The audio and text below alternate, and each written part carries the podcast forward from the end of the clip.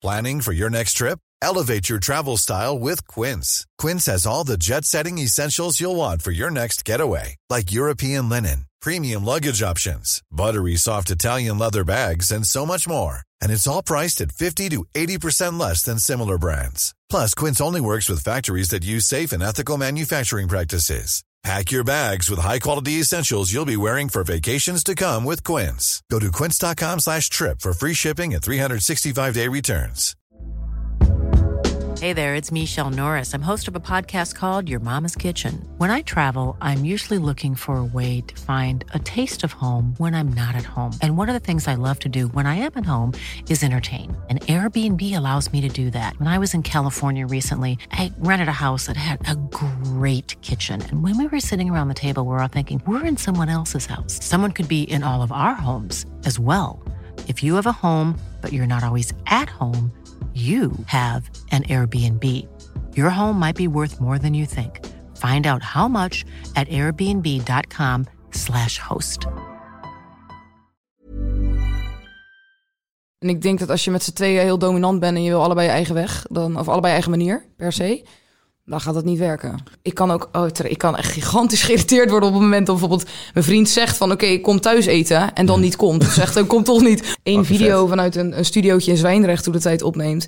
Je zet het in een uur online en, en Ja. eh, ja heel, heel de wereld gaat eroverheen. En je mag naar Santa Fe vliegen en naar Orlando. En Of heb je nog steeds dat raden zegt... Ja, leuk, Davina Michel, prachtig die naam, prachtig die 1,2 miljoen abonnees op YouTube. Maar ik vind het kutplaat. ja, weet je, op het moment dat je één hit in Amerika hebt, kun je bij wijze van spreken al twintig jaar met je met bloot kont Bora Bora gaan zitten. Dus dan vind ik het wel goed hoor. En dan merk je ook dat op het moment dat je dan weer met je vrienden en vrienden afspreekt, dat het natuurlijk wel weer gewoon hetzelfde is als van oud. Maar je merkt ook dat je wel veel gemist hebt.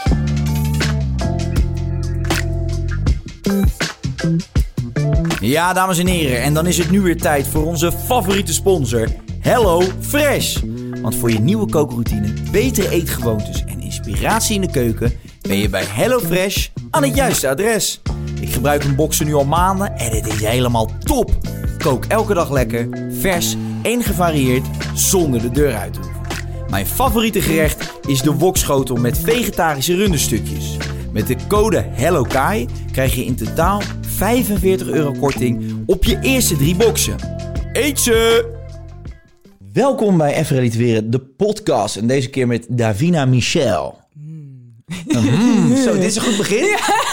Stel je voor dat je nou je oordopjes in hebt en je hoort haar gewoon zeggen... Mm, yeah. Hey, eh, superleuk dat je er bent. Ik ben eh, ongeveer een paar maanden geleden begonnen met jou te vragen. Toch? En dat, is ja. niet, dat is niet lullig bedoeld hoor. Nee. Maar het heeft even wat voet in de aarde gehad. Nodig gehad om, eh, ja, om tot een dag te komen dat we allebei konden. En ik ben heel erg blij dat het gelukt is. Yes! Ja, ik ben ook heel blij. Ik heb er gigantisch veel zin in. Kijk, komt ie, let op. Oh nee, doet dit gewoon niet. Kijk, normaal heb ik dan van die knoppen hier en dan hoor je applaus. Helaas. Oh, moet ik de schijf, welke schijf moet ik dan openzetten? Deze. Deze. Kijk dan, dan komt hij nu. Oh, ja. Ook goed. Nou. Nou. Ja, hè. Davina Michel. Hallo. Nee, oké, klaar nu.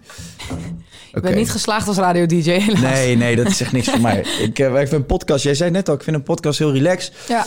Ehm, is dat ook omdat eh, jouw werk eigenlijk altijd gewoon uitbundig is? Dat altijd de dans te springen? Ja, dat is het wel. Het is elke keer als ik inderdaad moet opdraven ergens, dan is het dat ik mijn stem moet opwarmen of moet ik me wel voorbereiden om een kunstje te gaan doen, zeg maar. En dat vind ik altijd met podcast altijd wel eh, chill dat je gewoon lekker kan houden en verder niks. Ja.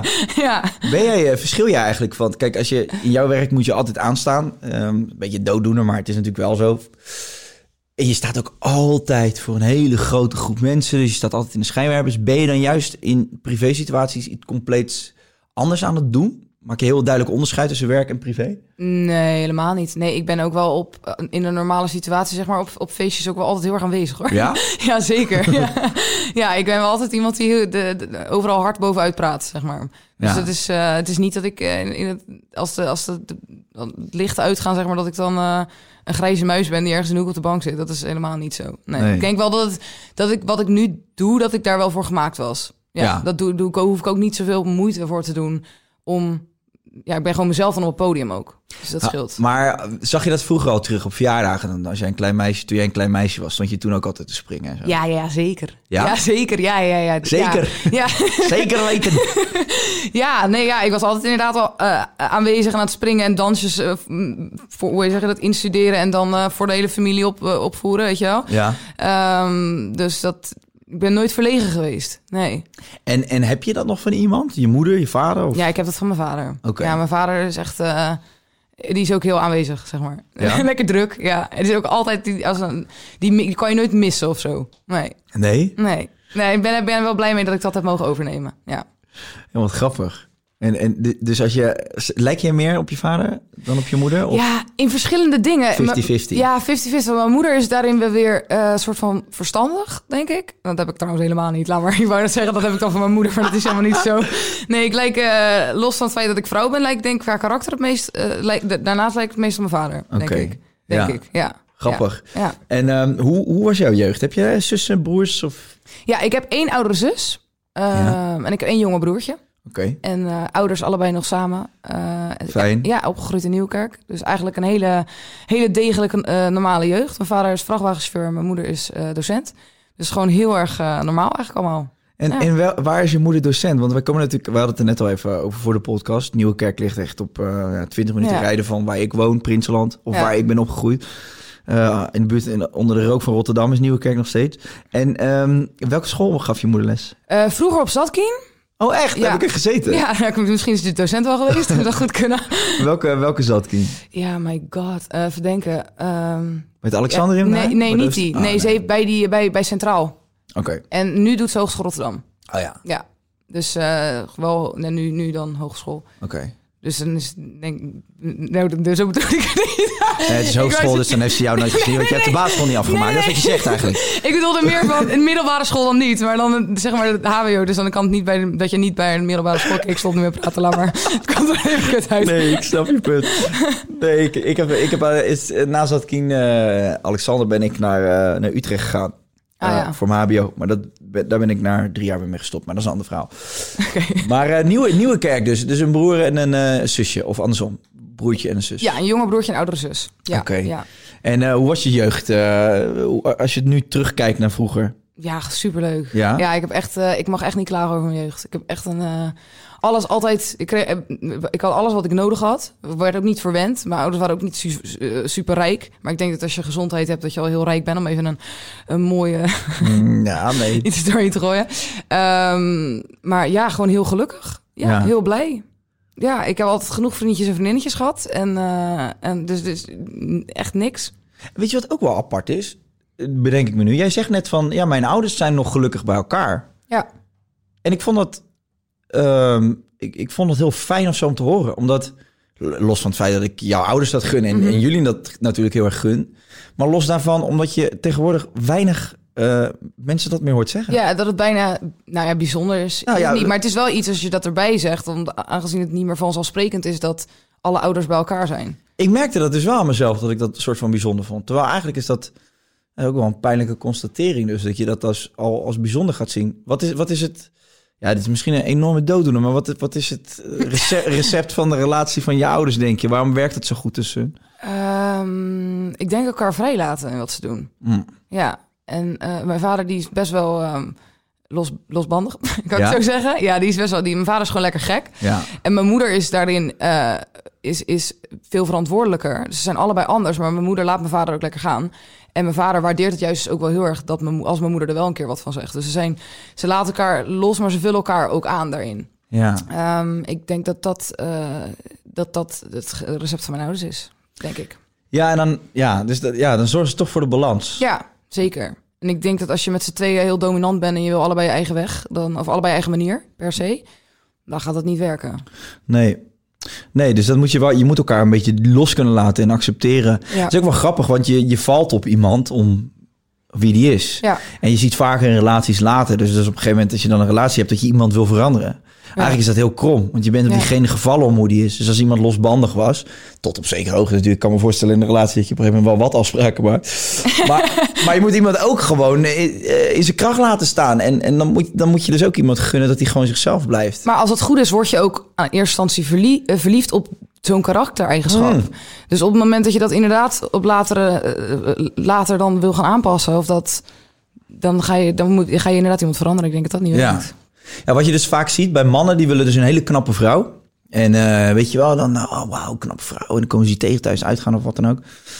En dan, dan hebben ze daar een relatie mee. En dan, dan, dan willen ze eigenlijk niet meer dat die knappe vrouw zichzelf is. Want, want dan krijgt ze te veel aandacht of er wordt te veel naar de gekeken. En dan, Ja. dan, dan worden er ineens allemaal regels opgelegd en zo. En, en bij vrouwen zie je dat weer andersom, weet je wel. Een beetje een, een boefje. Die, eh, en die, die moet dan ineens heel braaf thuis gaan zitten. Elke dag eh, met zijn handjes boven tafel. eh, om zes uur eten. Handje pepermuntje op de bank en naar bed. Ja, nee, dat werkt niet. Nee, maar dat werkt al niet. Je moet elkaar toch een beetje... Tuurlijk heb je dingen die je met elkaar afspreekt. Maar je moet elkaar ook wel een beetje... Ja, maar daarnaast eh, verander je denk ik ook door de jaren heen. Ja. Ik denk dat je naar je partner toe groeit ook. Ja. Ehm, en dat kan ook denk ik wel eens mislopen. Dat mensen niet meer zijn zoals ze waren toen iemand verliefd op diegene werd. Dus dat kan ook weer... Ik denk dat iemand, mensen blijven ontwikkelen. En eh, dat doe je natuurlijk als je helemaal jong bent. Als je uit de puberteit komt. En dan maak je een grote sprong. Maar het is natuurlijk... Je blijft heel je leven lang ontwikkelen. Je karakter blijft altijd veranderen. Ja. Ehm, dus ja, ik denk en als je dan. Het is, ik, ik zie het stiekem ook een beetje als geluk hebben of zo. Ik denk dat heel veel mensen ook dingen meemaken in hun leven. ehm, waardoor ze zo veranderen, of trauma's, of weet ik veel, of ze verliezen een kind, of er gebeurt iets waardoor, of ze komen in financiële problemen, waardoor je dat samen ook niet meer aan kan. Misschien had je dat dan wel samen aangekund op het moment dat die problemen er niet waren. Dus ik denk dat het, ehm, ik denk dat het, dat het verschillende factoren heeft waardoor mensen zo snel nu uit elkaar kunnen gaan. En omdat het misschien ook, omdat er nu echt geen taboe meer op ligt en mensen gewoon denken van, eh, nou, ik ben, ben zat, weet je, ik heb geen zin meer, ik ga iemand, naar iemand anders. Dat dat nu makkelijker is om die stap te nemen. Nou, dat, dat, is, dat is natuurlijk niet... ehm, is op zich een goede ontwikkeling, denk ik, dat iemand gewoon voor zijn eigen geluk kiest en zegt van, oké, ik ben niet meer gelukkig. Ik ga deze relatie niet eh, tot in een treuren doordouwen, want eh, ik voel het gewoon niet meer. Ja. Ik denk dat dat een hele frisse, gezonde keuze is om dan te kiezen voor jezelf, ook richting je partner toe. Ik bedoel, als je partner jou niet meer gelukkig maakt, kun je dat beter ook uit. Ik denk ook wel dat de mensen misschien te snel stoppen met een relatie, terwijl er best Ja. nog wel wat dingen hadden kunnen je- worden opgelost. Daardoor ga je dus ook minder vechten ervoor, denk ik. Ja, ja dus het, ja, dat is wel, wel waar. Dat heeft eh, voordelen en nadelen. Hoe lang, eh, hoe lang heb jij een relatie? Eh, vier jaar nu. Vier jaar. Ja. Ik Leuk. ben echt trots. Ja, ik- Komt weer. Oh nee, nee, shit. Ik heb schuifje. Ja. vier jaar. Ja. Leuk. Hoe hebben jullie elkaar leren kennen? Eh Sebas, mijn vriend, is Ja. mijn producer ook. Oké. Dus eh, we hebben elkaar eigenlijk in de muziek leren kennen. Nog voor Duurt te Lang, nog voor Davina Michel, zeg maar, Ja. in in het leven was. Ehm, en zijn we verliefd geworden. En toen uiteindelijk, ehm, terwijl we al samen werkten. En toen is het succes gekomen eigenlijk. Leuk. Dus eh, ik denk, want hij, hij, wij schrijven ook samen alle liedjes. Eh, hij produceert al muziek. Hij doet ook een management. Dus we zijn echt... eh, Wauw. Het is echt zeg maar eh, Bonnie en Clyde, maar dan positief, denk ik. Of Ja. hoe zeg je dat? Nee, Bonnie niet- en Clyde ja. is toch dat is sowieso positief, toch? Ja, ja, maar niet, niet zeg maar crimineel, maar gewoon, gewoon netjes. Maar de dynamiek tussen jullie twee lijkt er misschien op. ja, maar dat, is, dat werkt echt heel goed. En ik krijg altijd super vaak de vraag van... Ja, hoe is dat nou om te werken en te, en te daten, zeg maar. Maar dat... Ik weet niet beter. Nee. Aan het begin vond ik dat echt nog lastig. Want toen probeerde ik echt wel... soort van... Omdat iedereen al zei... Ja, je moet werken en privédag gescheiden houden. Dus ging ik dat een soort van proberen. Dat we dan thuis niet meer over, over, over muziek konden praten. Of niet meer over shows of dingen. En ja, dat wordt gewoon op een gegeven moment gewoon een beetje raar. Dat werkt gewoon niet. Nee, nee. En ik merk ook dat ik er geen moeite mee heb ehm, om wel thuis ook werk te bespreken en op werk ook om thuis te bespreken. Gewoon omdat het één pot nat is. Ja, ja. ja, op een gegeven moment, ja, de, de- dat is een hele dunne, dunne scheidingslijn natuurlijk. En wat, men, wat, wat het natuurlijk ook is, is dat mijn werk is eigenlijk mijn hobby. Ja, Dus je bespreekt eigenlijk iets wat je leuk vindt. En natuurlijk zijn er ook alle dingen die je dan minder leuk vindt. Maar over het algemeen is het mijn passie ook. En ook dat van hem. Dus we delen eigenlijk gewoon allebei dezelfde passie. ja, ja, snap ik. En, en als je dat kan samenvoegen en je kan daar dan privé ook nog over praten, is misschien Ja. alleen maar juist mooi. Het hoeft niet altijd negatief te zijn dat je ook privé nog over werk praat. Nee, helemaal niet. Als het werk leuk is, zeker niet, Ik wou toch? zeggen, ik ervaar het ook echt niet zo als negatief. Nee. Nee. Maar je was dan, dan was je 21 toen je met hem kreeg. Ja. Ja, ja, En had je daarvoor, heb je daarvoor nog relaties gehad? ja, ja, zeker. Meerdere. Ja? Nee, Oh, echt? klinkt, klinkt, het, klinkt het echt... Ja, ja, ja. Nee. Ja, heb ik ook, eh, ook relaties gehad. Ja, Maar niet zo lang. Niet, Nee, maar niet zo. Maar wel, wel serieuze relaties. Eén één i- serieuze re- relatie en toen was ik een jaartje of 16. Ja. Dat was, dat was zo'n middelbare schoolvriend, weet je. Daar ben ik wel een aantal jaar uh, zoet mee geweest.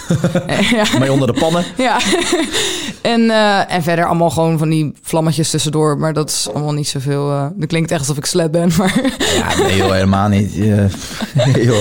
ik, heb, ik heb wel gekkere verhalen.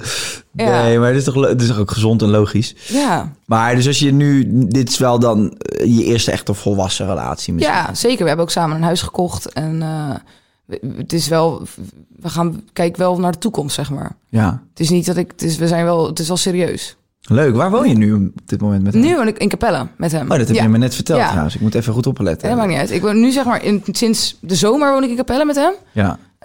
Um, en we zijn echt super blij. Maar waar komt Sebas vandaan dan? Die komt uit, uh, oh god, Hendrik Ido Ambacht. Nee joh, Maar daar woont Monika toch nu ook? Nee, dit, nee, daar komt ze vandaan. Oh, zie je? Ja. Grappig, ik heb gisteren, uh, ik, ga met, ik heb, ben met Monika ook een podcast begonnen, een nieuwe. Mm -hmm. Ik denk dat die nu, nu dit wordt uitgezonden al wel uitgezonden is. Uh, Geus en Gorgels heet dat. Ja. Toen hadden we het van, heeft de, je, je, de plek waar je geboren bent, heeft dat invloed op um, wie je wordt als persoon en waar je later wil wonen. En toen hadden we het dus over dat zij in het dorp was opgegroeid en ik in de stad.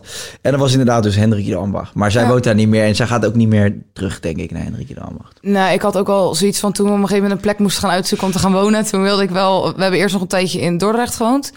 Ehm, maar ik wilde eigenlijk wel echt terug naar re- regio Rotterdam. Ja, En hij wilde met me mee, dus daar ben ik heel blij mee. Ik had hem, ik weet niet, ik vond Dordrecht heel leuk hoor. ja. Maar ik toch nu ook dicht bij mijn familie en gewoon alles om me heen. Dat vind ik echt toch wel, eh, ja, is toch wel mijn eitje. ja, lekker. Nou, fijn dat hij uit dezelfde regio in ieder geval Ja, komt. zeker. Ja, ja. Had je, stel je voor dat Sebas, zelf, precies dezelfde persoon, maar Sebas komt uit Twente. Of Sebas komt uit Groningen en die zegt, ja, ja, hey Devine, eh, allemaal leuk en aardig, maar ik wil echt zo graag in Groningen wonen. Ik heb daar een huis gevonden. Zou je dat, zou dat kunnen? Oh, dat is echt een moeilijke vraag.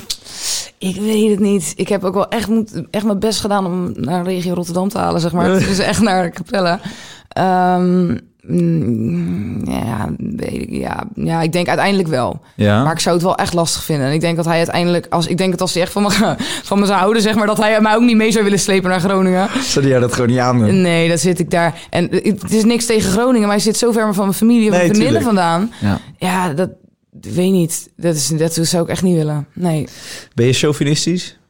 Oh my god, wat? Chauvinist, dan ben je gewoon, eh, ben je, hou, ja, je hou je van de plek waar je vandaan komt. Ja, je ja. bent een Rotterdamse, ben, maar ja, Nieuwekerk is gewoon, dan ben je ook gewoon een Rotterdamse. Maar eh, is, is dat, is dat, betekent dat veel voor jou, Ja. dat gebied? Ja, zeker. Ja, ik heb echt. Ik had het al met toen we dit huis ge- eh, gekocht hadden, dat ik opeens de postcode zag en dat begon met 29 en toen werd ik echt dolgelukkig. Gewoon Ja. echt zulke kleine dingen, weet je wel.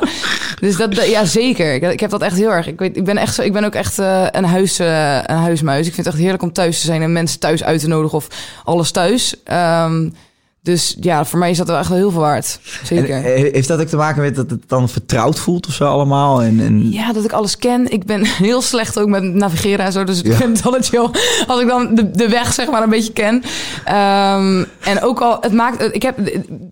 Het maakt voor mij ook niet uit of het stortregent... of dat het echt sneeuwt of hagelt of onweert. Als, thuis is het weer altijd het beste. Ja. Zo voelt het gewoon heel erg. Ehm, en ja, ja, dus ik denk, ben denk ik wel eens chauvinistisch. Chauvinistisch. Ja. Weer wat geleerd vandaag, Ims. Kutwoord. nee, maar ik, eh, ik herken dat wel. Alleen ik heb de laatste tijd wel dat... dat ja, ik woon dan al 30 jaar in Rotterdam. En ik heb gewoon heel veel prikkels nodig. En dit, Ja. dit jaar is natuurlijk, eh, als je prikkels nodig hebt, is het een enorm kutjaar. Want ja. Ja. er zijn gewoon nul prikkels. Nee. Eh, rondje Kralingse Bos met mijn maten. En dan is het hoogtepunt van de week weer voorbij. Ja, klinkt ook wel heel raar om te zeggen. Hoog, hoogtepunt. Een rondje Kralingse Bos met je maten. Het klinkt een beetje zielig inderdaad. Ja, maar er gebeuren ook wel gekke dingen in dat bos. Dus sowieso kan je dubbelzinnig interpreteren dit. Maar ik heb wel gewoon dat ik een beetje het gevoel heb dat ik... Dat de, dat de wereld is zo groot en, en er is Ja. meer. En dat ik denk van, ik zou nog wel een fase van mijn leven gewoon misschien in het buitenland willen wonen. En, en, en toch nog een soort van daar ook een aantal jaar iets opbouwen en nieuwe dingen meemaken. En Maar zou je dan alles achter je hier kunnen laten om daar nee, ik vast zou, te wonen? ik zou, wij, Jess en ik, die hebben het eh, bijvoorbeeld over, eh, eh, over Spanje dan. Ehm, om daar eens te gaan wonen. Da- en, maar dat zou ik dan altijd combineren. Ja, precies. Dat je hier ook gewoon nog een huis hebt en dat je gewoon heen en weer kan vliegen. Ja, bijvoorbeeld. Ik zou dan altijd wel gewoon hier... Ik, ik zou mijn werk hier ook niet zo snel achter me laten... en eh, zeg maar alles in de brand zetten hier... en dan zeggen, tabé, ik ga, ik ga, ik ga, ik ga een hut bouwen in Malaga. in de groeten. Nee, dat zou ik niet zo snel doen. Maar ik zou het wel leuk vinden om... om nog, nog, nog iets anders te hebben. Een, een plek waar ik alles nog kan ontdekken... en waar alles nog nieuw is... en waar je Ja. nieuwe mensen leert kennen. Ik vind dat dat wel een soort verrijking Maar ik snap het ook wel dat je inderdaad, als je altijd op één plek blijft wonen, dan op een gegeven moment heb je het gevoel dat je de wereld niet gezien hebt. Is Ja. dat het? Nou, maar ik heb wel heel veel gereisd. Maar do- juist doordat ik zoveel heb gereisd, heb ik ook gewoon gezien dat er zoveel mooie plekken zijn. Ja. En ik, ik ben nu wel, ik klink echt een beetje zo'n oude lul, maar ik ben wel op een punt gekomen dat ik, kijk, ik ben nu, ik heb nog geen kinderen. Ik ben 30. Ik heb nu mijn werk redelijk stabiel staan. Ik weet ook best wel goed wat ik wil en waar ik de komende tijd naartoe wil. Zakelijk gezien en maar ook op persoonlijk vlak. Ik heb een stabiele relatie waar ik heel blij mee ben. Dit is wel het moment om nog eens een keer zo'n stap te nemen. Je hebt nog geen Ja. kinderen die hier op school zitten of ergens aan gehecht zijn. Ik kan nu nog, ik ben vrij Ja. flexibel. Dus ik denk wel bij mezelf, ja, ik, ik, je moet, volgens mij moet je jezelf dat ook gunnen en af en toe gewoon even in de diepe springen en denken van nee, oké, weet je, ik wil nog een avontuurtje of zo. Ja, En dan, dan een huis in de zon, gewoon jezelf de zon gunnen, wel genieten. is toch lekker man. Maar is het dan meer een avontuur of is het echt dat je op een gegeven moment denkt van nou, ik heb gewoon zin om te genieten dat je Nederland gewoon zat bent? Ja, ik denk dat ik Nederland al. Ja, ik wou net zo, klinkt het dan. Als je dan inderdaad zegt van nou, ik ga inderdaad een château beginnen in Frankrijk of zo, dan zou ik denken, nou dan wil je inderdaad echt iets, iets, eh, iets, zeg je dat? Iets, eh, Wat goed! Ja. Dan lijkt me dat je echt iets wil meemaken of zo. Maar ja, Ibiza ook wel natuurlijk. Maar dat is misschien meer om gewoon ook te genieten. Ja, dat zou echt om te genieten zijn. Dat is gewoon een beetje, wat nou zei ik, ik klink een beetje als een oude lul. Dat is echt om gewoon de, de voordelen van de natuur om je heen. Lekker Ja. weer. Ik ben ook, ik vind een groot voorstander van het Spaanse model, zeg maar, dat je laat eet Ja, en overdag eh, niet zoveel doet. precies. Genieten dus. Nee, ja, ik hou gewoon heel erg van. Ik ben, ik ben echt gewoon best wel Burgondisch. Ja. Ik ben altijd als ik in Italië ben of zo en eh, ik, ik zit in een restaurant en het is 11 uur en er komen nog nieuwe mensen binnen. Ik vind dat zo'n lekker Ja. gevoel. Ik vind dat ook heel leuk, maar ik vind dat wel tijdelijk leuk. Ik zou niet, zeg maar... Ik heb daar na een week of twee weken, heb ik dat gehad. Dan denk ik, ik heb gewoon zin om in de auto te stappen, in de file te staan... en dan om zes uur thuis zijn te eten. Ja, ik weet niet... Ik, ik ben dan wel zo'n zo'n degelijke... Dat, echt. Maar ik snap wel, ik vind het wel lekker voor vakantie. Maar Ja. ik zou niet altijd zo kunnen leven. Ik was laatst in, in Curaçao, Ja. nog voor de lockdown. En ehm, daar, daar was het ook allemaal gewoon... dan gaat lekker alles langzaam, we zien wel... en alles is dicht als, het, als ze open moeten zijn, weet je wel. Zo, zo, en dan... Ik, eh, ik kan daar niet tegen. Ik heb, ik ben, ik heb zo'n ehm, ehm, een bepaalde controle nodig, denk ik. En ik denk, ik vind het heel mooi aan mensen als ze gewoon denken... oh joh, maar ja, nou, we zien het wel. Maar ik kan dat niet. Ik word dan helemaal... Ik ben dan zo'n control freak. Dan dingen... Ik kan daar heel on- onrustig van worden... als dingen niet gewoon op rolletjes lopen. Ja. Dus ik zou daar dan juist weer, weer ehm, juist heel onrustig en ongemakkelijk van worden. Hetzelfde met backpacken. Ik vind het altijd super vet als mensen dat gaan doen. Ja. Mijn beste vriendin is echt backpacker. Die gaat overal heen. Die zegt, die is alweer maanden zoet. Ik, als ik daar met zo'n rugzak en dan ik dan niet weet waar ik heen eh, moet... en waar ik dan over twee weken ben, nou, ik zou... Ik gek. Een stinkhotel. Ja, nou ja, maar dat zou, ik niet, dat zou ik niet eens erg vinden. Als ik maar weet dat ik gewoon standaard een stinkhotel heb... en niet opeens nog een avond van tevoren een stinkhotel moet boeken die al vol zit, weet je wel? Dan zou ik helemaal gek worden. Dat ik dan een, een nachtje moet rondwaaien. Die, ik moet die controle hebben, want anders... Ja, Ja. Dat heb ik dan weer voor mijn moeder. Als we Ja. dan inderdaad terugkomen op lijkt je op je moeder of je vader. Dat is eh, dat die... die en het is ook niet dat ik heel veel regelmaat of zo heb. Even on a budget, quality is non-negotiable. That's why Quince is the place to score high-end essentials at 50 to 80% less than similar brands. Get your hands on buttery soft cashmere sweaters from just 60 bucks, Italian leather jackets, and so much more. And the best part about Quince, they exclusively partner with factories committed to safe, ethical, and responsible manufacturing. Elevate your style without the elevated price tag with Quince. Go to quince.com slash upgrade for free shipping and 365-day returns. Ehm, maar het is meer dat ik gewoon wil weten... was good, zeg maar. Maar misschien, jij hebt juist helemaal geen regelmaat, denk ik, door, door, door, door het werk wat je doet. Zeker Ja. als gewoon, ja, dit jaar is natuurlijk, moeten we dan maar gewoon even niet meerekenen. Nee. Maar normaal gesproken zou je er natuurlijk van optreden naar optreden gaan. Misschien dat je juist daarom wel eh, dat kleine beetje controle wat je dan hebt over je thuisbasis en zo, dat je dat gewoon stabiel wil hebben. Ja, nou ja, dat is het ook wel echt. Want het zijn inderdaad gekke tijden. Ik weet, weet op week 1 niet wat ik op week 2 ga doen, 9 van de 10 keer. Ehm, of het verandert weer. Dus dan is het wel fijn. Ik kan ook, oh, ik kan echt gigantisch geïrriteerd worden op het moment dat bijvoorbeeld mijn vriend zegt van, oké, ik kom thuis eten en dan niet komt. Of zegt, dan komt toch niet. Of hey, morgenochtend gaan we even. En dan, ja, is goed. En dan maken we een plan of, een plan of zo.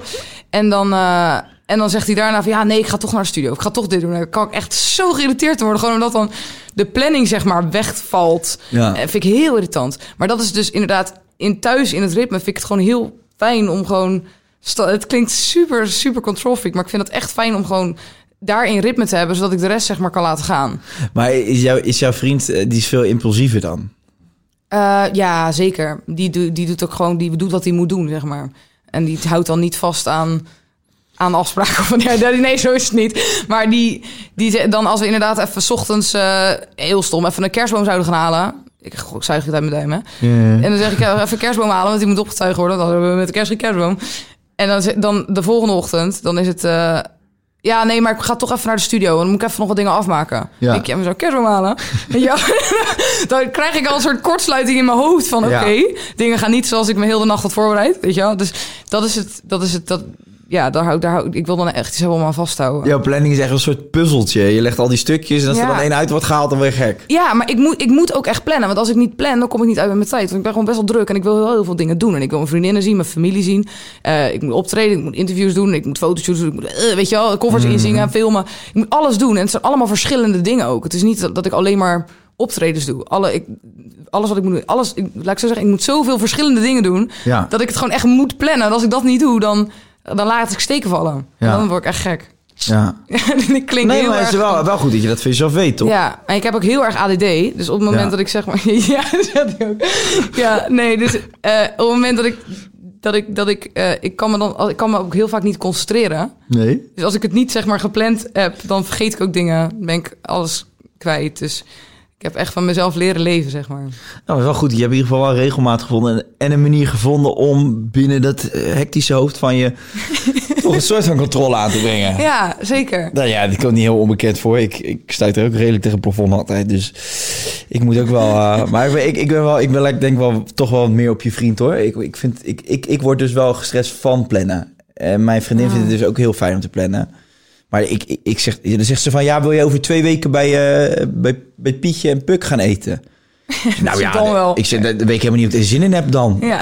ja, maar we moeten het toch inplannen, want anders komt het er niet van. Nee, maar dat is het, dat is het echt. Dat, dat, zo ben ik ook echt. Maar daar heeft ze gelijk in. Ja. Maar ik vind, ik vind het dan gewoon doodeng dat ik twee weken van tevoren toezeg op iets. Terwijl ik Ja. denk, ja, ik heb misschien die vrijdag gewoon helemaal geen zin om daar naartoe te Ja, gaan. maar zo gaat het dan ook. Want dan zegt Sebas daarna van... ja, nee, maar ik moet toch naar de studio. En dan moet ik het weer afzeggen. Dus dat gebeurt 9 van de 10 keer.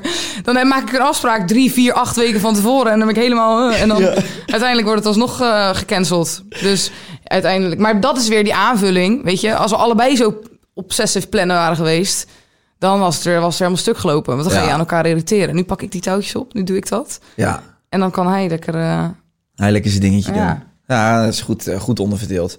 En over, plan, over plannen gesproken. Wat, hoe, eh, je bent nu 25, gewoon, eh, je woont samen. Wat, wat heb jij nog zo, zo, zoiets wat je wil doen binnen nu en vijf jaar? Heb je nog, wat, wat zijn je plannen? Hè? Of, of kijk je ook weer Ehm, niet zo ver vooruit? Ja, zeker wel. Ik heb eh, dat ik nu binnen, als de corona voorbij is, wil ik eigenlijk zo snel mogelijk grote, ding, grote dingen gaan spelen. Ja. Ik zou het super vet vinden om een Ziggo Dome te kunnen gaan doen. Mhm. Dat lijkt me echt, de stad staat eigenlijk wel echt eh, op mijn op mijn snelle planning, als de corona voorbij is. Ja. Ehm, en daarna volgt natuurlijk de Kuip. Maar dat is misschien meerdere jaren. Dat zou ik ook echt nog een keer willen doen. ja, vet. Ehm, en verder, ja, ik zou, ik zou het vet vinden om in het buitenland aan de slag te kunnen gaan. Dat proberen we ook al wel. Maar ja, dat is natuurlijk zo'n... Nederland is zo klein vergeleken met Maar de je rest hebt, van je, de hebt, wereld. je hebt een tijdje in Amerika opgetreden, toch? Nou, wat- nee, niet een tijdje. Ik heb eh, één keer een, een ehm, twee weken lang, zeg maar, dat ik, ik had drie, drie, vier shows daar zo. Net nadat What About Us Firewall ging, Ja. die cover had gedaan. Ehm, en eh, toen werd ik daar toevallig in, in de maand juli werd ik drie of vier keer geboekt in Amerika. Dus toen hebben we een soort doortocht gedaan dat we daar verschillende optredens deden. En, en waar, dan deed je dan één nummer? Of deed je dan wel... Nee, ik had nee, meerdere. Ik had ehm één show was bijvoorbeeld in Orlando was voor een danswedstrijd voor kinderen. Was dan de finale. En dan kwamen uit alle hoeken van Amerika kwamen de, de, de winnaars zeg maar. En die kwamen Ja. dan met elkaar tot de grote winnaar. Nou, dat is normaal hoe dat gesproken werkt. Ik leg, leg het onder een keer uit. Dus je hebt een show en Ja, dan heb en je een top drie. En, betekent- en die op één Ja, komt, die wint dan. ik licht het even toe.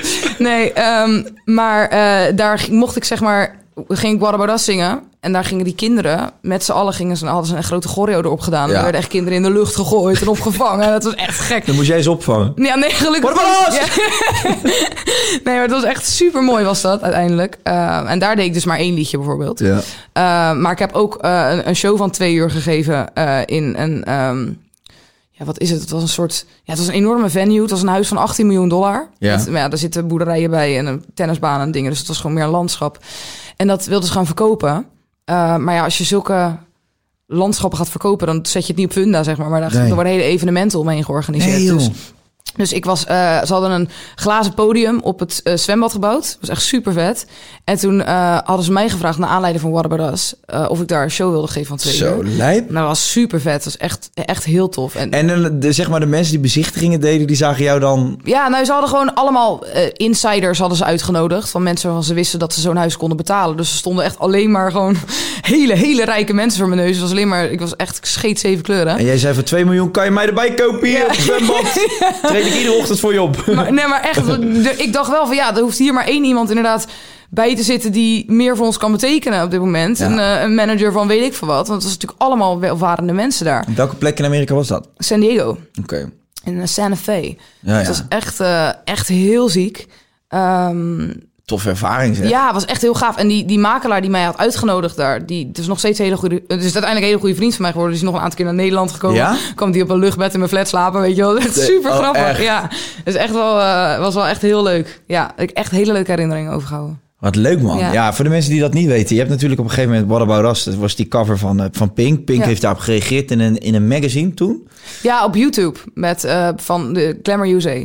Die hadden zo'n zo'n Ja, en ze, precies. zij zei van, eh, Davina heeft dat beter gedaan dan dat ik dat ooit zou kunnen. Toen is natuurlijk iedereen dat gaan bekijken. Ja. En op basis van, van, van, ja, van dat moment eigenlijk kwamen die optredens in het buitenland. Klopt. En dan merk je opeens hoe groot de wereld is. Dat je gewoon Ja, één video vet. vanuit een, een studiootje in Zwijndrecht toen de tijd opneemt. Je zet het in een uur online. En, en Ja. eh, ja, heel, heel de wereld gaat eroverheen. En je mag naar Fe vliegen en naar Orlando. En het is, ik, in Frankrijk stond op een gegeven moment zelfs iets open voor Zuid-Afrika. Toen dacht ik ook echt, wat? Dat is jammer, genoeg niet doorgaan. Maar Ben je wel eens geweest in Zuid-Afrika? nee, ik wil heel graag daar nog heen. Ja, dat, Ja. Dat, dat is mijn favoriete land. En mijn zwager komt uit Zuid-Afrika. Oh, Echt, echt? heel vet, ja. Ja, dit is fantastisch. Ga je echt leuk vinden. Ja.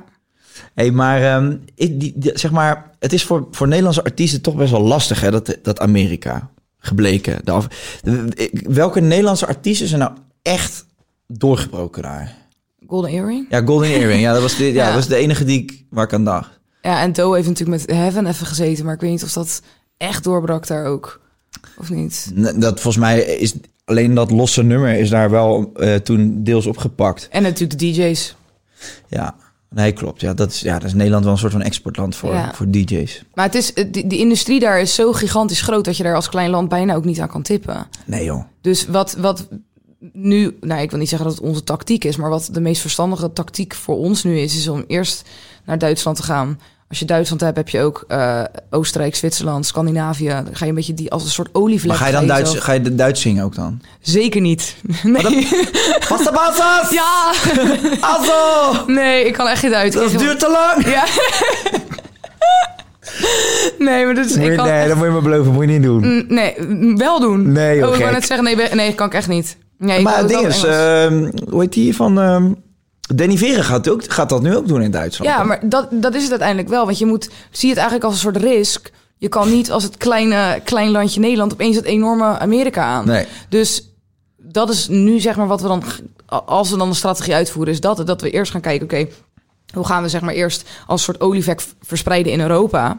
Ehm, eh, en dan, kijk, Azië heeft sowieso een hele andere industrie. Die heeft ook een hele andere streamingplatformen trouwens. Dus dat, dat is sowieso een, eh, een heel, heel ander verhaal ook. Maar op het moment dat jij heel Europa hebt en je hebt al, dan krijg je al zoveel streams dat je daarmee bij wijze van spreken UK aan kan. Ja. Of dat je in een heel gek geval daarmee inderdaad US aan kan. Maar om gewoon te zeggen van ik ga een liedje maken en dat, dat ga ik promoten in Amerika. Dat heeft helemaal geen zin, want Nee, de industrie nee. is daar veel te groot voor. Nee, je moet gewoon al- een gevestigde naam zijn, enigszins. En je moet die cijfers al kunnen Je meten. moet echt Ja. die streams al hebben. Ja. En echt die, die, die volgers en die, die, dat moet je allemaal al hebben. Want anders, ja, dan moet je wel heel veel geluk hebben. Dan moet je inderdaad een Esme Denters zijn die opeens door een videootje op wordt gepikt door Justin Timberlake. Zo, hoe is het met haar? Nou, precies, dat uiteindelijk is dat ook niet helemaal. Ja, ik weet, volgens mij hebben ze haar laten vallen omdat het allemaal niet meer liep. Ja. Maar ja, dan moet je het wel... Je moet als, op een gegeven moment... Kijk, Justin Timberlake is dan jouw kruiwagen. Ja. Maar die laat je op een gegeven moment... Laat hij je ook... Hij kan niet elke dag je handje vasthouden. Dus hij laat je op een gegeven moment ook los. En dan beland je eigenlijk weer bij waar je was. Zonder streams en zonder... Of met weinig. Dus, dus Beland je weer op je zolder in eh ik Zwijndrecht. zeggen... Ja, precies. Ook gezellig. Ja, ook leuk. Nee, maar dan uiteindelijk dan, dan, dan val ik, ben je weer terug bij af. En dat is ook wat eigenlijk, tenminste zo zie ik dat, gebeurt bij bijvoorbeeld de eh winnaressen en de winnaars van eh, de talentenjachten. Ja. Op een gegeven moment dan krijg je echt zo'n piek en zo'n lift. En daar, loop, daar kan je even op, op genieten. Ehm, Maar er komt weer een nieuw seizoen aan en ik dan ben wou je net zeggen, vergeten. en dan moet je uiteindelijk val je terug op wat je had. En op het moment dat je niks niet genoeg had om bij te kunnen blijven. En Maan heeft dat dan heel goed gedaan, want die had gewoon een gigantisch goede hit ook toen. Mhm. Ehm, Maar die moet je wel hebben dan. ja, ik wou net zeggen, maar dan, want zij had opeens gewoon gigantisch veel volgers, goede eh, s- streams, goede liedjes, weet je. Dus dan kan je daar gewoon op blijven. Maar je moet wel iets hebben om op terug te vallen op een gegeven Ja. moment. Nee, zeker. Het is wel grappig, want eigenlijk werkt het hetzelfde voor, eh, voor influencers die gewoon...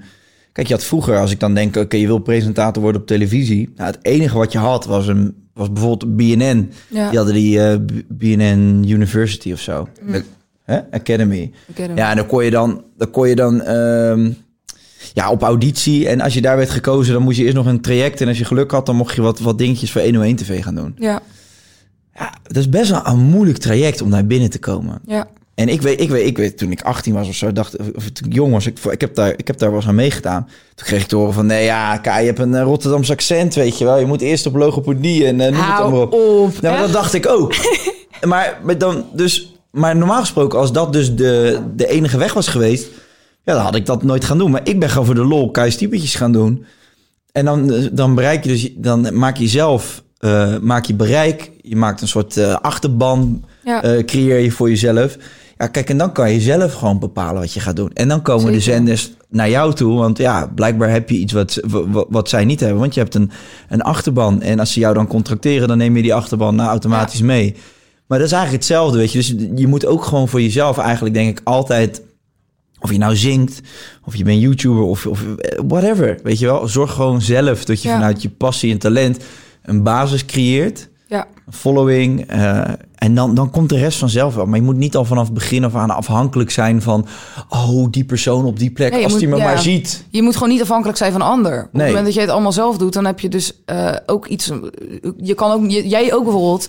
Jij kan nu, eh, als nu jouw, weet ik veel, hoe noem je dat eigenlijk? Je programmabaas of weet ik veel laat vallen. Ja. Dan heb je genoeg om op terug te vallen. Ja, klopt. Zal jij je reed roesten, ga je wat anders doen. Ja, Weet je, dus als nu mijn label mij laat vallen, ik hoop het niet trouwens, want ik heb een fantastisch label, maar ik moet ook even zeggen, nee. Dan, dan, dan ga ik ook gewoon door, want ik heb uiteindelijk genoeg opgebouwd om gewoon door te gaan. ja. Dus ik denk dat je die zekerheid voor jezelf eh, daarin eh, bereikt. Maar jij hebt dat ook, dus je hebt dat ook gewoon laten zien. Want jij bent ook op YouTube begonnen. Ja, zeker. Daar is allemaal begonnen. En daar Ja. zit ik nu eh, op 1,2 miljoen volgers. Ja, dus dat, dat, fantastisch. dat zijn tenzij er een of ander gek internationaal schandaal eh, komt. Wat ik, waar ik niet van uitga trouwens. Kan ook Maar- helpen, hè? Ja, ja, nou of niet. maar dan... dan Een is video op OnlyFans of zo, weet je Ja, wel. het zou best kunnen. Nee. nee, maar dan blijft dat gewoon stabiel. Dus daar hoef ik niet bang voor te zijn dat ik op een gegeven moment helemaal niks meer heb. En eh, dus daar, dat geeft je ook veel meer vrijheid om uit je schulp te kruipen en meer te experimenteren en meer dingen. Ehm, hoe zeg je dat? Om als ik bijvoorbeeld aan het schrijven ben. al- Ik ben nu bijvoorbeeld niet bang op het moment dat ik eh, een liedje aan het maken ben en ik maak liedjes waarvan ik denk van nou dat gaat niet werken, weet je wel. Of dat gaat niet. eh, ik hoef daar niet bang voor te zijn. Ik breng het gewoon uit. Want op het moment dat het ik langer termijn geen goede muziek meer maakt, dan heb ik gewoon nog het YouTube-kanaal om op terug te vallen. Dan heb Ja. ik gewoon, ik heb nog zoveel dingen om op terug te vallen. En daardoor heb ik veel meer zelfvertrouwen in wat ik kan maken en wat ik kan schrijven. En dat is ook misschien wel de reden dat ik uiteindelijk Engelstalig ben gaan zingen. Maar kan jij, jij kan toch gewoon nu bedenken van... Kijk, ik, maak, ik, ik bedenk een liedje, ik ga dat zingen. Ik, ben- ja, eh, nou ja, ik, wil, ik wilde gaan uitleggen hoe je liedje bedenkt, maar goed. Je bedenkt een refrein, eh, een couplet. Ja. Nee, maar je maakt een liedje. Ja, En jij kan, dat, jij kan dat toch gewoon dan op YouTube zetten en, en gewoon kijken of dat aanslaat en daarna pas eh, officieel uitbrengen? Of eh, wat, wat is de wat is altijd de gameplan, zeg maar? Wat zijn de, de, de, de lijnen? Ehm, nou, weet je wat het is? Je kan het inderdaad gewoon op YouTube zetten en kijken of het wat doet. Mhm. Ehm, maar YouTube over het algemeen, kijk, dat is, het is natuurlijk mijn doelgroep. Het is, ik heb een YouTube-kanaal, dus ik heb dat, die doelgroep daar. Maar mijn, van mijn eigen muziek, van mijn singles, zeg maar, ehm, zit mijn grootste succes in radio en airplay. Ja. En YouTube werkt ook goed, maar ik werk bijvoorbeeld op, op streaming en op YouTube niet zo goed als een boef als die bijvoorbeeld zijn eigen muziek uitbrengt, omdat het een hele andere doelgroep is. Mhm. Eh, dus ik kan het inderdaad op YouTube zetten en kijken of het wat doet, maar ja, dan moet je uiteindelijk ook, aan, ook als je er nog wat aan wil verdienen, zeg maar, Mhm. dan kan je het beter gewoon via streaming en via radio aanpakken en dan Maar, uiteindelijk... maar je, kan, je kan toch eerst dat op YouTube zetten en dan zeggen... zo, pam, hij schiet door het dak. En dat je dan, dan misschien een betere onder, onderhandelingspositie hebt bij de radio of zo. Of werkt dat überhaupt niet zo? Ja. wanneer, wanneer kom je op de radio? Wie Ja, bepaalt of je op de radio komt? Hoe werkt dat? Nou, la- laat het zo zeggen, ik heb een plugger. En een plugger is iemand die gaat met jou met de liedjes langs de radio. Want als iedereen met zijn hebt de hele dag te pluggen. Ja, nou, maar dat is echt waar. Dat is echt een superleuke man ook. Maar die, die heeft dus zo'n meerdere artiesten en die heeft dan ook meerdere labels. En er komen, die heeft zeg maar, er komen zoveel liedjes uit. Die gaat naar de radio en die zegt, nou, dit en dit en dit komt eruit. Dit is leuk, dit vind ik ook leuk. Weet je wel, wat vinden jullie ervan? Kijk, als iedereen met zijn eigen muziek naar de radio gaat, dan wordt het natuurlijk gewoon gek huis bij de radio. Dus daar zijn, daar zijn pluggers voor. Ehm, en naar aanleiding daarvan beslist de radiostation of ze het geschikt vinden om te draaien of niet. Ja. Zo simpel is het. En het is natuurlijk. Kijk, radio is natuurlijk nu een iets ouder medium, ook als je het vergelijkt met vroeger. Want vroeger werd een hit gemaakt door de radio en nu loopt het misschien iets andersom. ja, precies. Ehm, maar Ja, dat, je, dat bedoel ik. ja, meer. De volgorde is anders. maar wat je wel nog steeds merkt is dat met Skyward was het bijvoorbeeld heel erg zo. Dat Skyward werd op een gegeven moment echt zo vaak ge- gedraaid op de radio dat mensen er niet meer omheen konden. Ja. Dus en dan komt, komt het ook, ehm, ja, zeg ik in het goede volgorde, komt ook in meer playlists op, op, op, op Spotify, omdat Ja. mensen het dan herkenbaar, het wordt herkenbaar, dus mensen willen het ook vaker luisteren, het klikt, het minder snel weg. Ja. Ehm, en dan gaat het op Spotify op een gegeven moment ook werken en YouTube loopt het dan synchroon mee. Snap je? Dus het loopt op een gegeven moment allemaal een beetje mee. Maar dat is bij, hoe het bij mij werkt, zeg maar. Maar dat is ook voor elke artiest in elk genre is dat anders. Maar ben jij nu op een punt dat jij je naam groot genoeg is dat, dat die plugger jou er altijd doorheen krijgt? Of heb je nog steeds dat de radio zegt, ja leuk, Davina Michel, prachtig die naam, prachtig die 1,2 miljoen abonnees op YouTube, maar ik vind het een kutplaat. Gebeurt, Ehm, of, of ja, gebeurt dat? soms wel. Nou, Ja? ik heb, nou, ja, nou ja, tot nu toe heb ik echt heel veel geluk gehad met de liedjes die eh, ik uitgebracht. En daarnaast is het wat ik uitbreng ook wel echt radiomuziek. Stel je Dus voor dat... dat- jij morgen een rap zou uitbrengen. Zouden ze dan bij de radio dat ook gewoon aanzetten? Nou, misschien een keertje. Een keertje, een keertje, een keertje, keertje. Nee, ja. Nou, maar dat, ja, ik, het is ook wel dat ik echt radiomuziek maak. Ja, dat is en ook wel waar. ik heb laatst heb ik een, een Is dat dan bewust? Nee, dat is niet bewust. Dat is gewoon omdat ik ja, popmuziek maak. En ik denk dat, dat, dat dat... Ja, dat sluit gewoon heel erg aan bij de radio. Mm. Ja. Maar ik heb dus laatst een liedje gemaakt, Liar. Ja. Ehm, en dat werd, is ook niet door sommige radiostations ook niet opgepikt. Omdat het gewoon niet genoeg radio is. Maar ja, dat is wel iets wat je natuurlijk in je achterhoofd houdt. Op een gegeven moment van oké, dat, is, dat is wel mijn grootste exploitatieplatform. De radio. Dus als je dan muziek gaat maken dat niet radiovriendelijk is... Ja, dan wordt het op een gegeven moment wel echt moeilijk om je muziek ook naar buiten te krijgen. Vind, vind, vind je dat lastig of is pop wel gewoon echt de muziek die je wil maken? Ja, zeker. Het is ook wel echt mijn ding. Zo, Dus- nee, dat is wel. Dus als je dat dus niet hebt, heb je wel een probleem of zo. Want, Mm, ja, nou, nee, want dan zou je weer... Kijk, rappers bijvoorbeeld, die worden niet door de radio opgepikt... maar die hebben radio ook niet nodig. Die worden door streaming... Als ik, als ik een rapper was geweest, omdat ik, tenminste als ik het tof had gevonden om te rappen... of om, om, om urban te maken, weet je wel... Dan, ehm, had ik de dan had ik gedaan wat ik wilde... maar dan had ik weer een ander platform gevonden... Ja. waar ik mijn ei kwijt kon.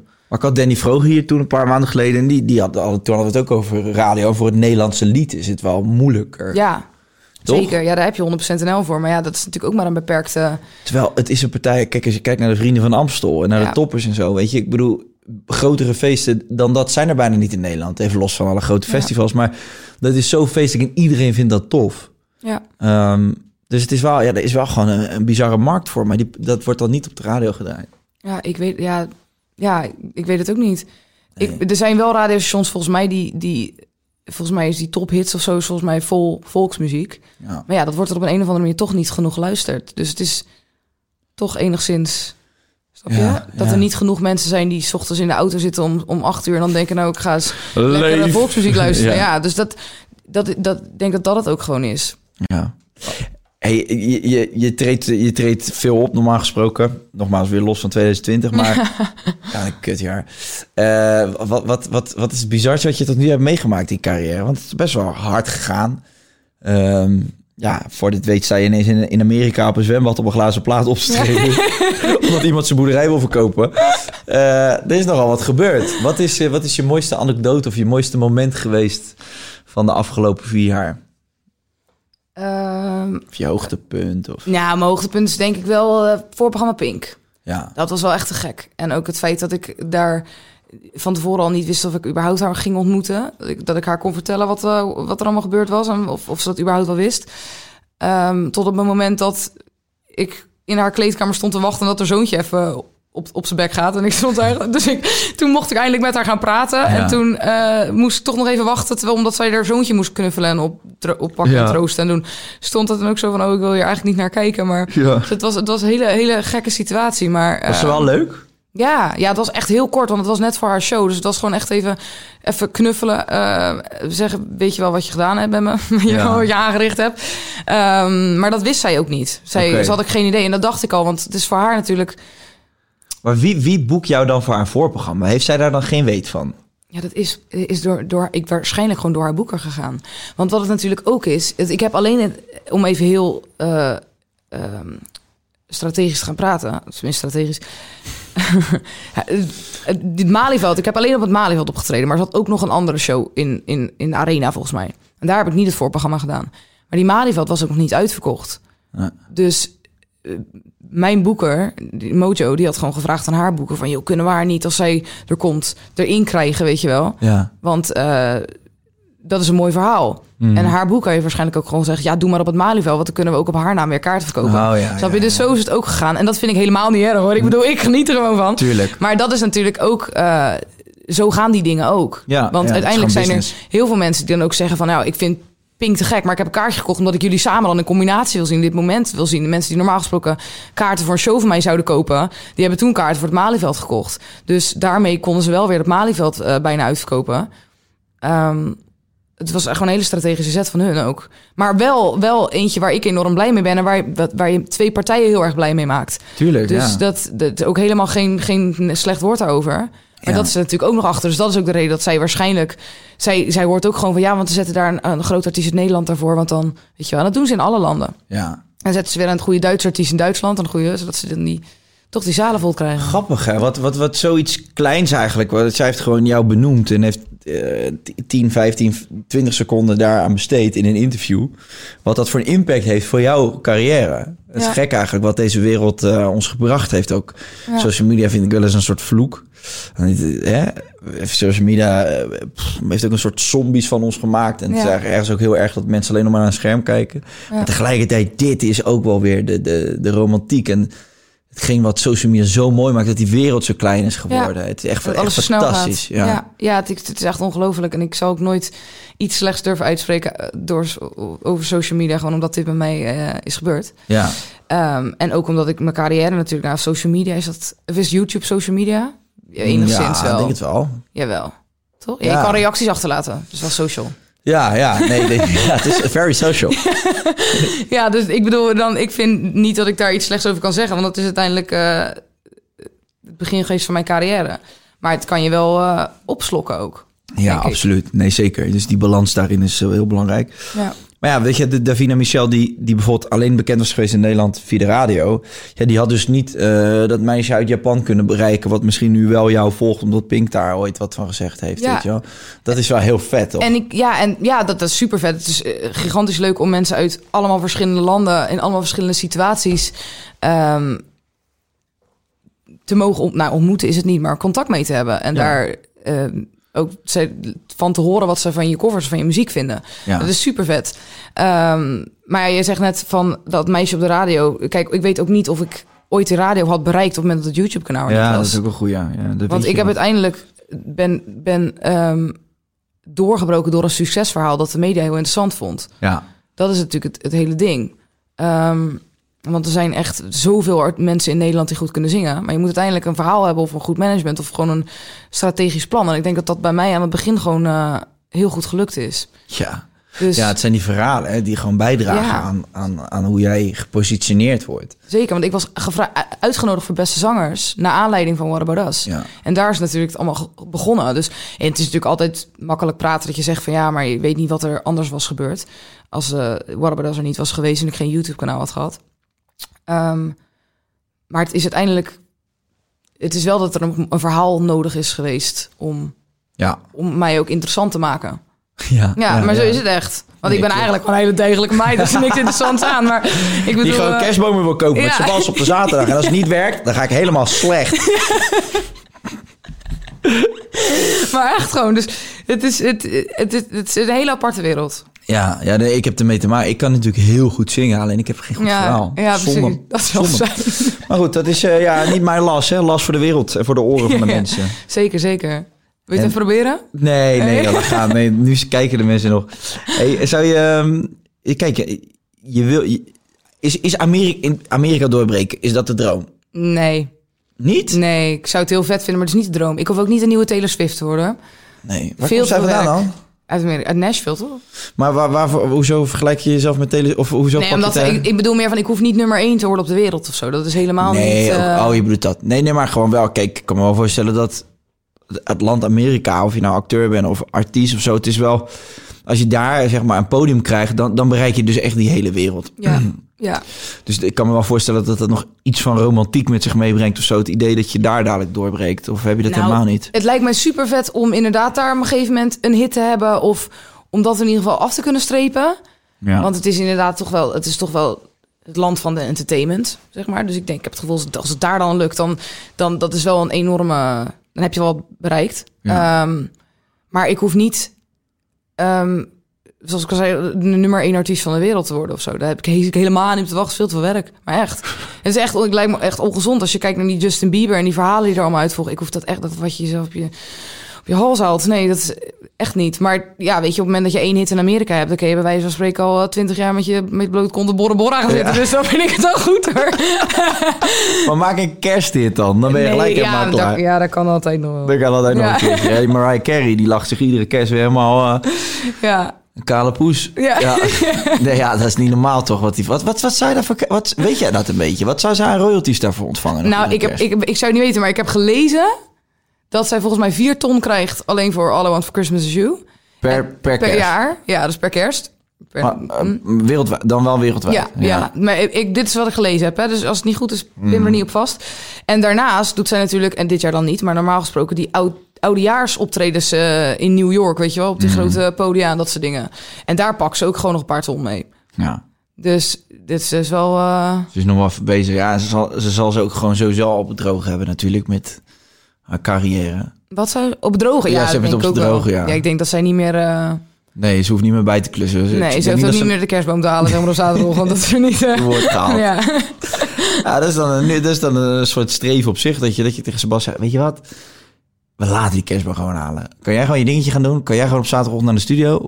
Hoef ik niet, eh, geen afspraken met je te maken? Maar ik vind het, ik zou, weet je waar ik over na zat te denken Nou? trouwens laatst? In die echt die hele grote huizen van die, van al die sterren en zo. Daar hebben ze ook allemaal eh, eh, obers en butlers en assistenten en mensen om je heen. Mhm. En schoonmakers die heel de dag aan het schoonmaken zijn. En ik moet er niet aan denken dat ik daar in mijn ondergoed door het huis in loop en dat er dan allemaal mensen om me heen zijn. Nee man, ik ook niet. Die ik niet ken. Of als ik gewoon met Sebas op de bank zit. Of weet ik veel, dat er dan inderdaad iemand...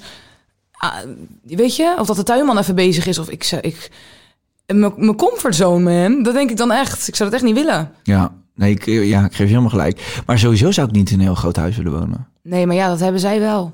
Maar, maar ik zie af en toe van die vrijstaande kasten en zo. Dat ik denk van, het lijkt me helemaal niet Maar je... prettig om in zo'n grote bak te wonen. maar ik denk dat je er ook wel naar gaat leven. Snap je dat denk ik ook. Dat, ik denk het ook. Maar ja, ik weet niet. Ik weet, ik, ik, laat ik het zo zeggen. Voor mij zou dat, dat is voor mij geen doel op zich dan. Nee, oké. Zo'n groot huis. Sommige mensen, ja, ik wil dan, eh, ik wil een villa. Ja, nee, ik niet. En ook als mensen zeggen, ik wil een boot. Ik denk, je een Oh, ik wil onderhoud. echt een boot. Ja, dat- Ik wil echt een boot, maar ik kan nu nog niet betalen. Maar ik wil echt een boot. Ja, maar dat zou ik dan altijd huren als ik heel veel geld zou hebben. Dat zou ik, dan, nooit, dat zou ik dan nooit kopen. Nou, weet je wat het is? Mijn, mijn, mijn, mijn, ehm, mijn zus heeft, eh, en haar vriend hebben een vaarbewijs. En mijn ouders hebben ook een vaarbewijs. Dus ik zou dan een boot willen kopen en dan zelf er ook een beetje Maar, maar mee echt voor, mogen ze dan echt in een grote boot of alleen voor, voor, voor een sloep? Nee, ik wil gewoon een sloep mag dan. speedboot. Een Ja. speedboot. Een beetje Ja, oké. bananen en zo. Maar dan kunnen dan, want de boot van mijn vader die is ook al behoorlijk gedateerd. Dus eh, om het heel beleefd te zeggen. Ehm, Wat voor een boot heeft je vader dan? ja, ook gewoon een speedboot. Ik zou, zo'n- is volgens mij een Yamaha, maar echt uit de 1990 of zo. Het is Maar- echt een heel oud ding. Nou ja, als die doet. Ja, hij- maar hij moet hem elke keer dan eh, staat hij midden op, het, op, het, op de zee of op het water, dan staat hij stil. Dus dan moet hij weer. eh, maar mijn vader is heel handig, want hij is automonteur geweest. Dus die kan hem dan zelf weer aan de praat krijgen. Maar ik zou het wel, als ik dan een boot zou kopen, dan zou ik ook gewoon mijn zus en mijn ouders ook een sleuteltje geven, zodat zij er ook mee kunnen varen. En mijn schoonouders, want die hebben volgens mij geen vaarwijs. Maar dat gewoon meer een pedal. dat, Geef je pedal. ja. rubberbootje erachteraan.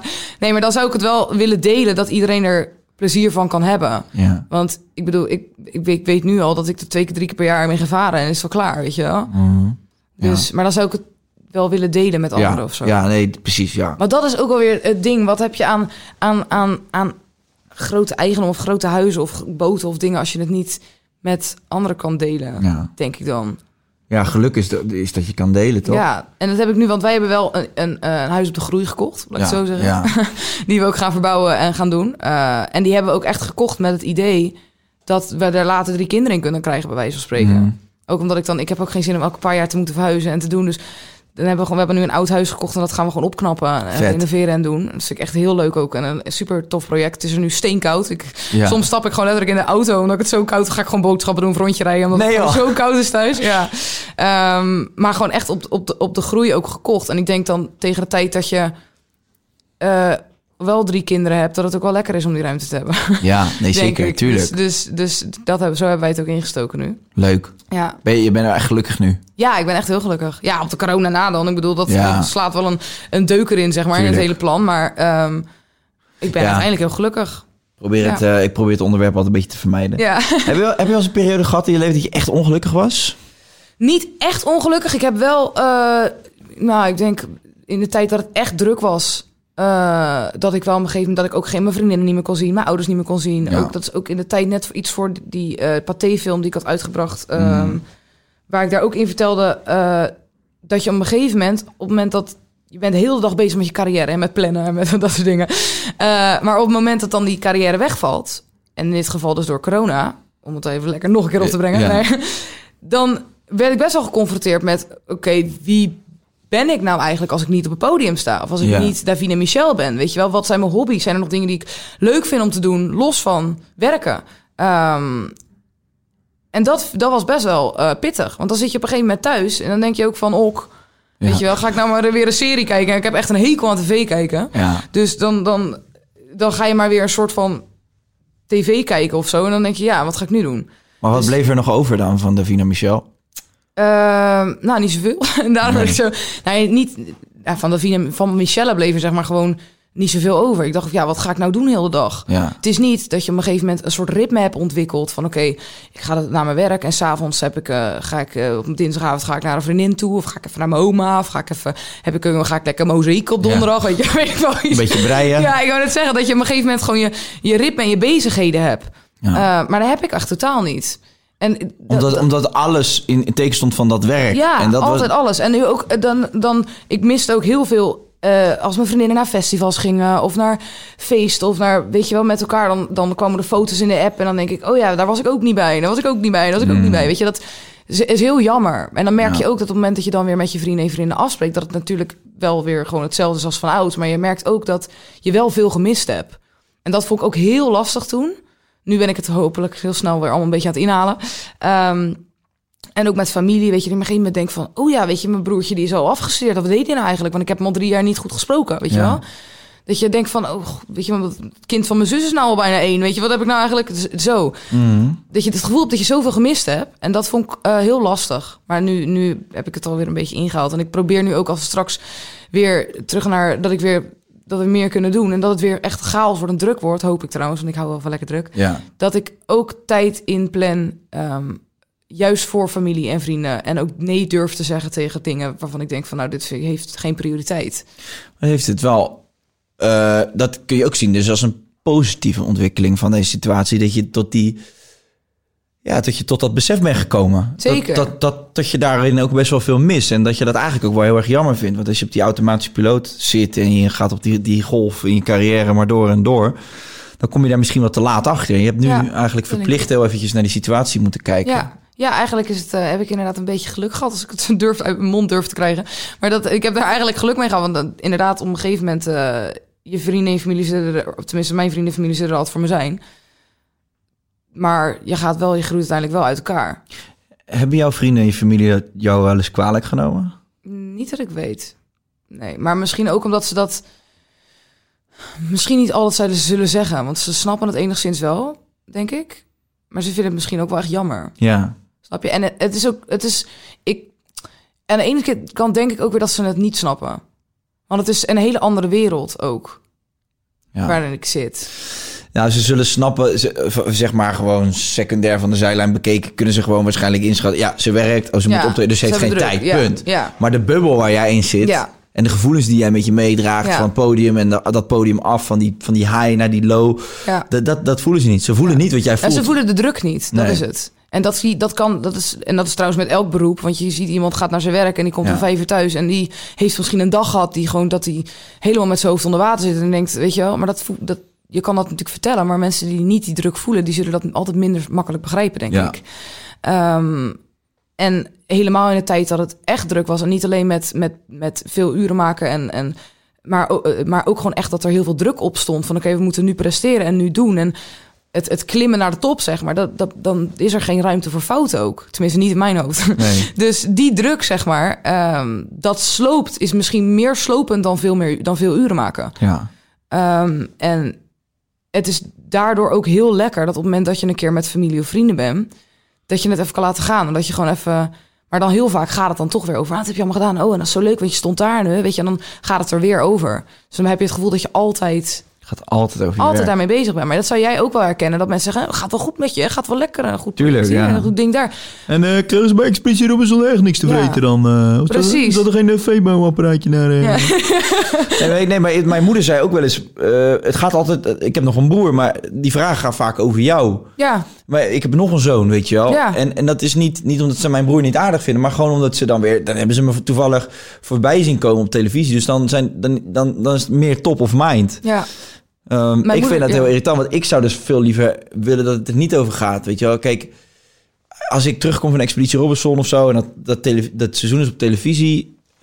Ik vind het vooral lekker als ik dan gewoon bij vrienden ben en als het daar even niet over gaat. ja. Nee, dat heb ik ook echt. Ja, en ik heb nog geluk met mijn vrienden. Mijn vrienden zijn gewoon niet zo onder de indruk van, van het wereldje waar ik in zit. Ja, Dus die zien mij gewoon als kaaien. En dat zijn gewoon gasten waar ik al 15 jaar mee omga. Dus, en dat is wel heel grappig. Mijn, mijn vriendengroep doet, ieder, heeft ieder, iedereen een andere job. Weet je wel. De ene is hoefsmid, de andere is registeraccount bij PwC. En, dus iedereen heeft gewoon zijn eigen dingetje. En als we bij elkaar komen, is het vooral gewoon keten en, en dollen. Ja. Dus dan maakt het helemaal niet uit waar je van nou. Maar je hebt natuurlijk wel mensen die er buitenaf staan. Die zeggen dan, die die stellen ook heel veel vragen over. Ja. En eh, heb je die wel eens ontmoet? En hoe is die dan in het echt? Ja, En, ja, eh, ja, ja. ja, weet je, Ja. pff, boeien. Ja, nee, maar dat vind ik ook al. Ja, dat ik, helemaal. Mijn moeder heeft ook echt iets aangeleerd dat dan nu, als ze in de supermarkt loopt in Nieuwkerk en dan, dan kent ze echt iedereen. Ja. En dan, eh, dan komen ze. En hoe gaat het met je dochter? En dan moet mijn moeder altijd vragen van, oh, welke dochter? Weet je wel? Ja, dan gaat ze heel bij de hand lopen doen, omdat het inderdaad gewoon lijkt voor mijn moeder alsof ze nog maar één kind hebt. Ja. Naar de buiten, tenminste hoe zij het tegen haar doen. Ehm, en ik vond het altijd ook wel juist leuk om. Ik vind het juist altijd heel chill om te luisteren naar wat andere mensen doen en wat andere mensen hun verhalen en wat Ja. ze dan meemaken. Maar op de een of andere manier komt het altijd weer van ja, wat, wat doe je dan en hoe is inderdaad die? Of hoe was het nou om daar in de kuip te staan? Of ik heb je gezien bij Pink of eh, weet je dat het zo. En dan daarom kijk ik ook altijd een beetje op tegen verjaardagen of tegen feesten met mensen die ik niet ken. Weet je wel, ik heb er helemaal geen zin in. Maar voel je dan wel eens eenzaam? Ehm, ja, wel op het moment dat ik in groepen ben met mensen die ik niet ken. Ja. Gewoon omdat inderdaad mensen dan echt aan het praten zijn met Davina, maar eigenlijk helemaal, helemaal niet geïnteresseerd zijn in Mm, mijzelf. nee. En dan, dat vermijd ik ook trouwens tegenwoordig. Hoor. Nu, het- nu helemaal komen we weer. Nee, maar En, ben je, dan ben je misschien bang dat eh, de consequenties dan dat ze zeggen... oh, die Davina zit echt helemaal niet zo leuk. Die, nee, eh. maar ik heb er gewoon geen zin in. Nee, maar ik snap, ik snap Ja. het heel goed. Maar eh, denk je dat dan ook nog wel is? Ja, zeker. Ik ben daar wel mee bezig. Dat ik altijd denk van, oh, weet je wel, als ik door de supermarkt loop, van ik moet niet te zagrijnig kijken, want dan ben ik bang. Ja, dat ja, zag ja. niet het echt en dat is echt eh, arrogant hoor. Ja, Weet je wel? Ja, precies. Ik, ben, ik, ben, ik, ben, ik trek me daar wel echt wat van aan. Ja. Ik ben niet zo iemand die denkt van, ah, fuck dat. Dat heb ik echt helemaal niet. Ik vind dat... eh, Nee, maar dat is ook, ja, dat is ook denk ik heel menselijk. Ik denk dat je met, met de tijd daar wel beter mee leert omgaan. Als je wat ouder bent en je daar... Je Ja. zit twintig jaar in dit vak, dat je daar wel meer scheid aan hebt. Maar, maar ik, ik vind het helemaal niet gek dat je dat, eh, dat, je dat aantrekt, hoor. Nee, en het wordt ook wel beter door de tijd heen hoor. Ik denk helemaal toen de tijd met duurt te lang en met eh, gewoon toen het net begon, zeg maar. ehm, dat ik ook wel echt heel erg eh, op mijn hoede was, heel Ja. gestrest was, heel erg dat ik gewoon niet, niet in, in, een- in mijn joggersbroek naar buiten durfde, bij wijze van spreken. Ja, En nou ga ik gewoon in mijn joggersbroek, dat maakt allemaal niet uit. Maar Ja. ik, dat, dat ontwikkelt zich ook gewoon. En ik denk ook dat dat komt met succes, want door succes word je enigszins ook wel eh, iets zelfverzekerder. Zeker. Je hebt, ik heb mezelf ondertussen denk ik wel bewezen. Ik Ja. hoef nu niet, niet nog te denken van... ook ik moet laten zien dat ik een liedje kan schrijven... of ik moet Nee. laten zien dat ik kan zingen. Weet je, dat, dat hoef ik niet meer te doen. Je plekje is gewoon een soort van verzekerd. Ik wou net, nou, dat nou, plekjes verzekerd, weet ik niet. Maar ik voel ook minder de druk om mezelf te hoeven bewijzen. Dus dan denk ik ook van ja, als er dan een keer een lelijk verhaal over mij komt, dan... Nee, maar misschien, misschien heb je jezelf aan jezelf bewezen. Dus je hebt laten Ja, zien... dat, ik denk dat dat Ja. het is. Ja. Dus, dus, en, en dan valt die druk weg. En dan kan je dus inderdaad, omdat je weet wat je kan en je vertrouwt op jezelf, dan kan je dus het verhaal van een ander kan je dan beter naast je neerleggen. Ja. Dat je denkt, ja, ik weet toch wat ik kan. ja, precies. Wat jij, ja. eh, wat jij daarvan vindt is niet zo Ja. relevant. ja. Ja, mooi. Is het is het, het, eh, wer, is het, het allemaal waard, je werk? Dus alle, alle neven gebeurtenissen, dus je familie minder zien, je, je vrienden minder zien, ehm, ja, eh, eenzaamheid zo nu en dan, de druk. Is, is, is het altijd alles waard? Nou, het is niet altijd. Ik heb ook wel eens momenten dat ik denk van... nou ja, had ik nou maar gewoon, eh, weet je wel, eh, een normale baan gehad. Ehm, maar tot nu toe is het het eh, 9 van de 10 keer waard. Ja. En ik geniet er altijd van als ik iets mag doen. En ik hou van gevaarlijk heel veel verschillende dingen doen. En Mm. Ik verveel me geen minuut. En daar ben ik heel blij mee. Ja. Ehm, en ik heb ook altijd in mijn hoofd gehad... dat op het moment dat ik dat niet meer zo ervaar... dat ik eh, wat anders ga doen. Sterker nog, ik heb altijd in mijn hoofd gehad... Want je krijgt tot je dertigste krijg je studieondersteuning, toch? Van de overheid. Ja. ik heb altijd gedacht van oké, ik ga in ieder geval tot mijn vijf of 26e ga ik eh, het proberen. Eh, of proberen? Nee, ga ik proberen. al? En als het dan zeg maar niet gelukt is, dan kan ik altijd nog een opleiding gaan doen. Tuurlijk. Dacht en dan trekken we die stufie even helemaal Ja, ik wou net zeggen, dan kan ik gewoon nog wat, eh, wat gaan doen. Ja, joh, je hebt groot gelijk. Ja, dus en zo sta ik er trouwens nog steeds tegenover. Als ik volgend jaar denk van nou, hé, ik ga je mee kappen, dan ga ik gewoon alsnog een opleiding doen. Dan word ik gewoon, nou, weet ik veel, verloskundig of zo, ik zie wel. Ja, of, eh, ja, of je gaat eh, kerstboom stileren of zo. Ja, goed idee. Ook hele jobs zitten daarin. Ja, zeker. Hey Davina, eh, mag ik jou vriendelijk bedanken voor uw komst? Ja, nou jij bedankt voor de uitnodiging. Nee, ik vind het heel leuk. Ja, nogmaals, we hadden al een tijdje contact en eh, je was zo druk. Dus voor mij komt het eigenlijk ook wel goed uit dat corona is. Want je kon nu eindelijk een keer deze Ja. kant komen. Nee, ik, eh, kijk, er zijn natuurlijk nog zoveel vragen over jou. Hoe sta je in deze periode? Ik, ik, ik, ik geloof het wel eigenlijk. Ja, Eh, nee, maar, nee, maar het is voor alle artiesten gewoon... eh, het ik, heb, ik zit hier al negen maanden podcast te maken en het is gewoon heel raar, weet je. Omdat, kijk, normaal gesproken zouden wij nu gesprekken hebben over van... Weet ik veel, eh, ik zeg even wat, het EK was deze zomer. Misschien Ja. had jij dan wel eens ergens opgetreden. En dan konden we nu zeggen van...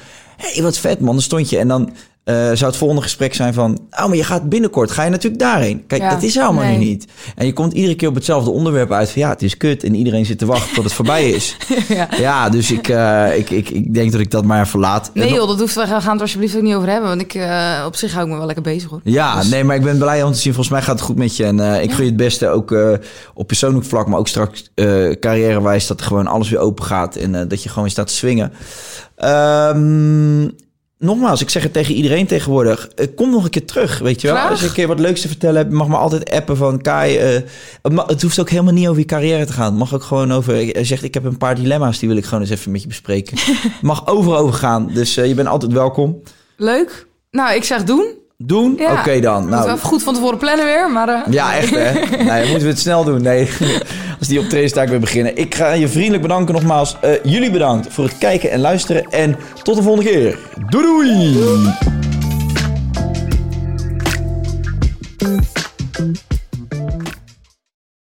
Dit is vervelend. We hebben nog 30 seconden advertentieruimte beschikbaar, maar jouw merk zit er niet in. Wil jij deze ruimte beter benutten en staan waar voorheen HelloFresh of Samsung stonden? Mail dan naar adverteren@tonymedia.nl. Mom deserves the best, and there's no better place to shop for Mother's Day than Whole Foods Market. They're your destination for unbeatable savings, from premium gifts to show-stopping flowers and irresistible desserts. Start by saving 33% with Prime on all body care and candles. Then get a 15-stem bunch of tulips for just $9.99 each with Prime. Round out Mom's menu with festive rosé, irresistible berry chantilly cake, and more special treats. Come celebrate Mother's Day at Whole Foods Market.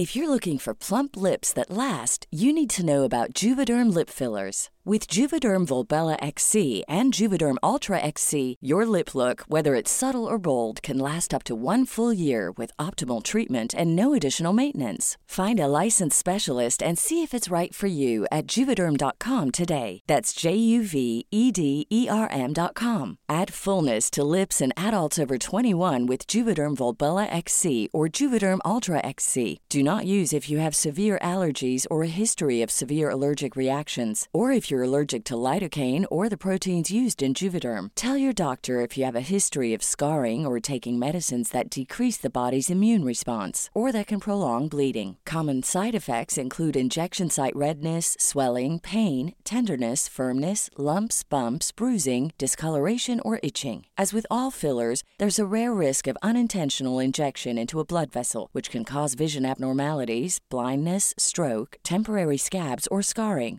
For full important safety information, visit juvederm.com.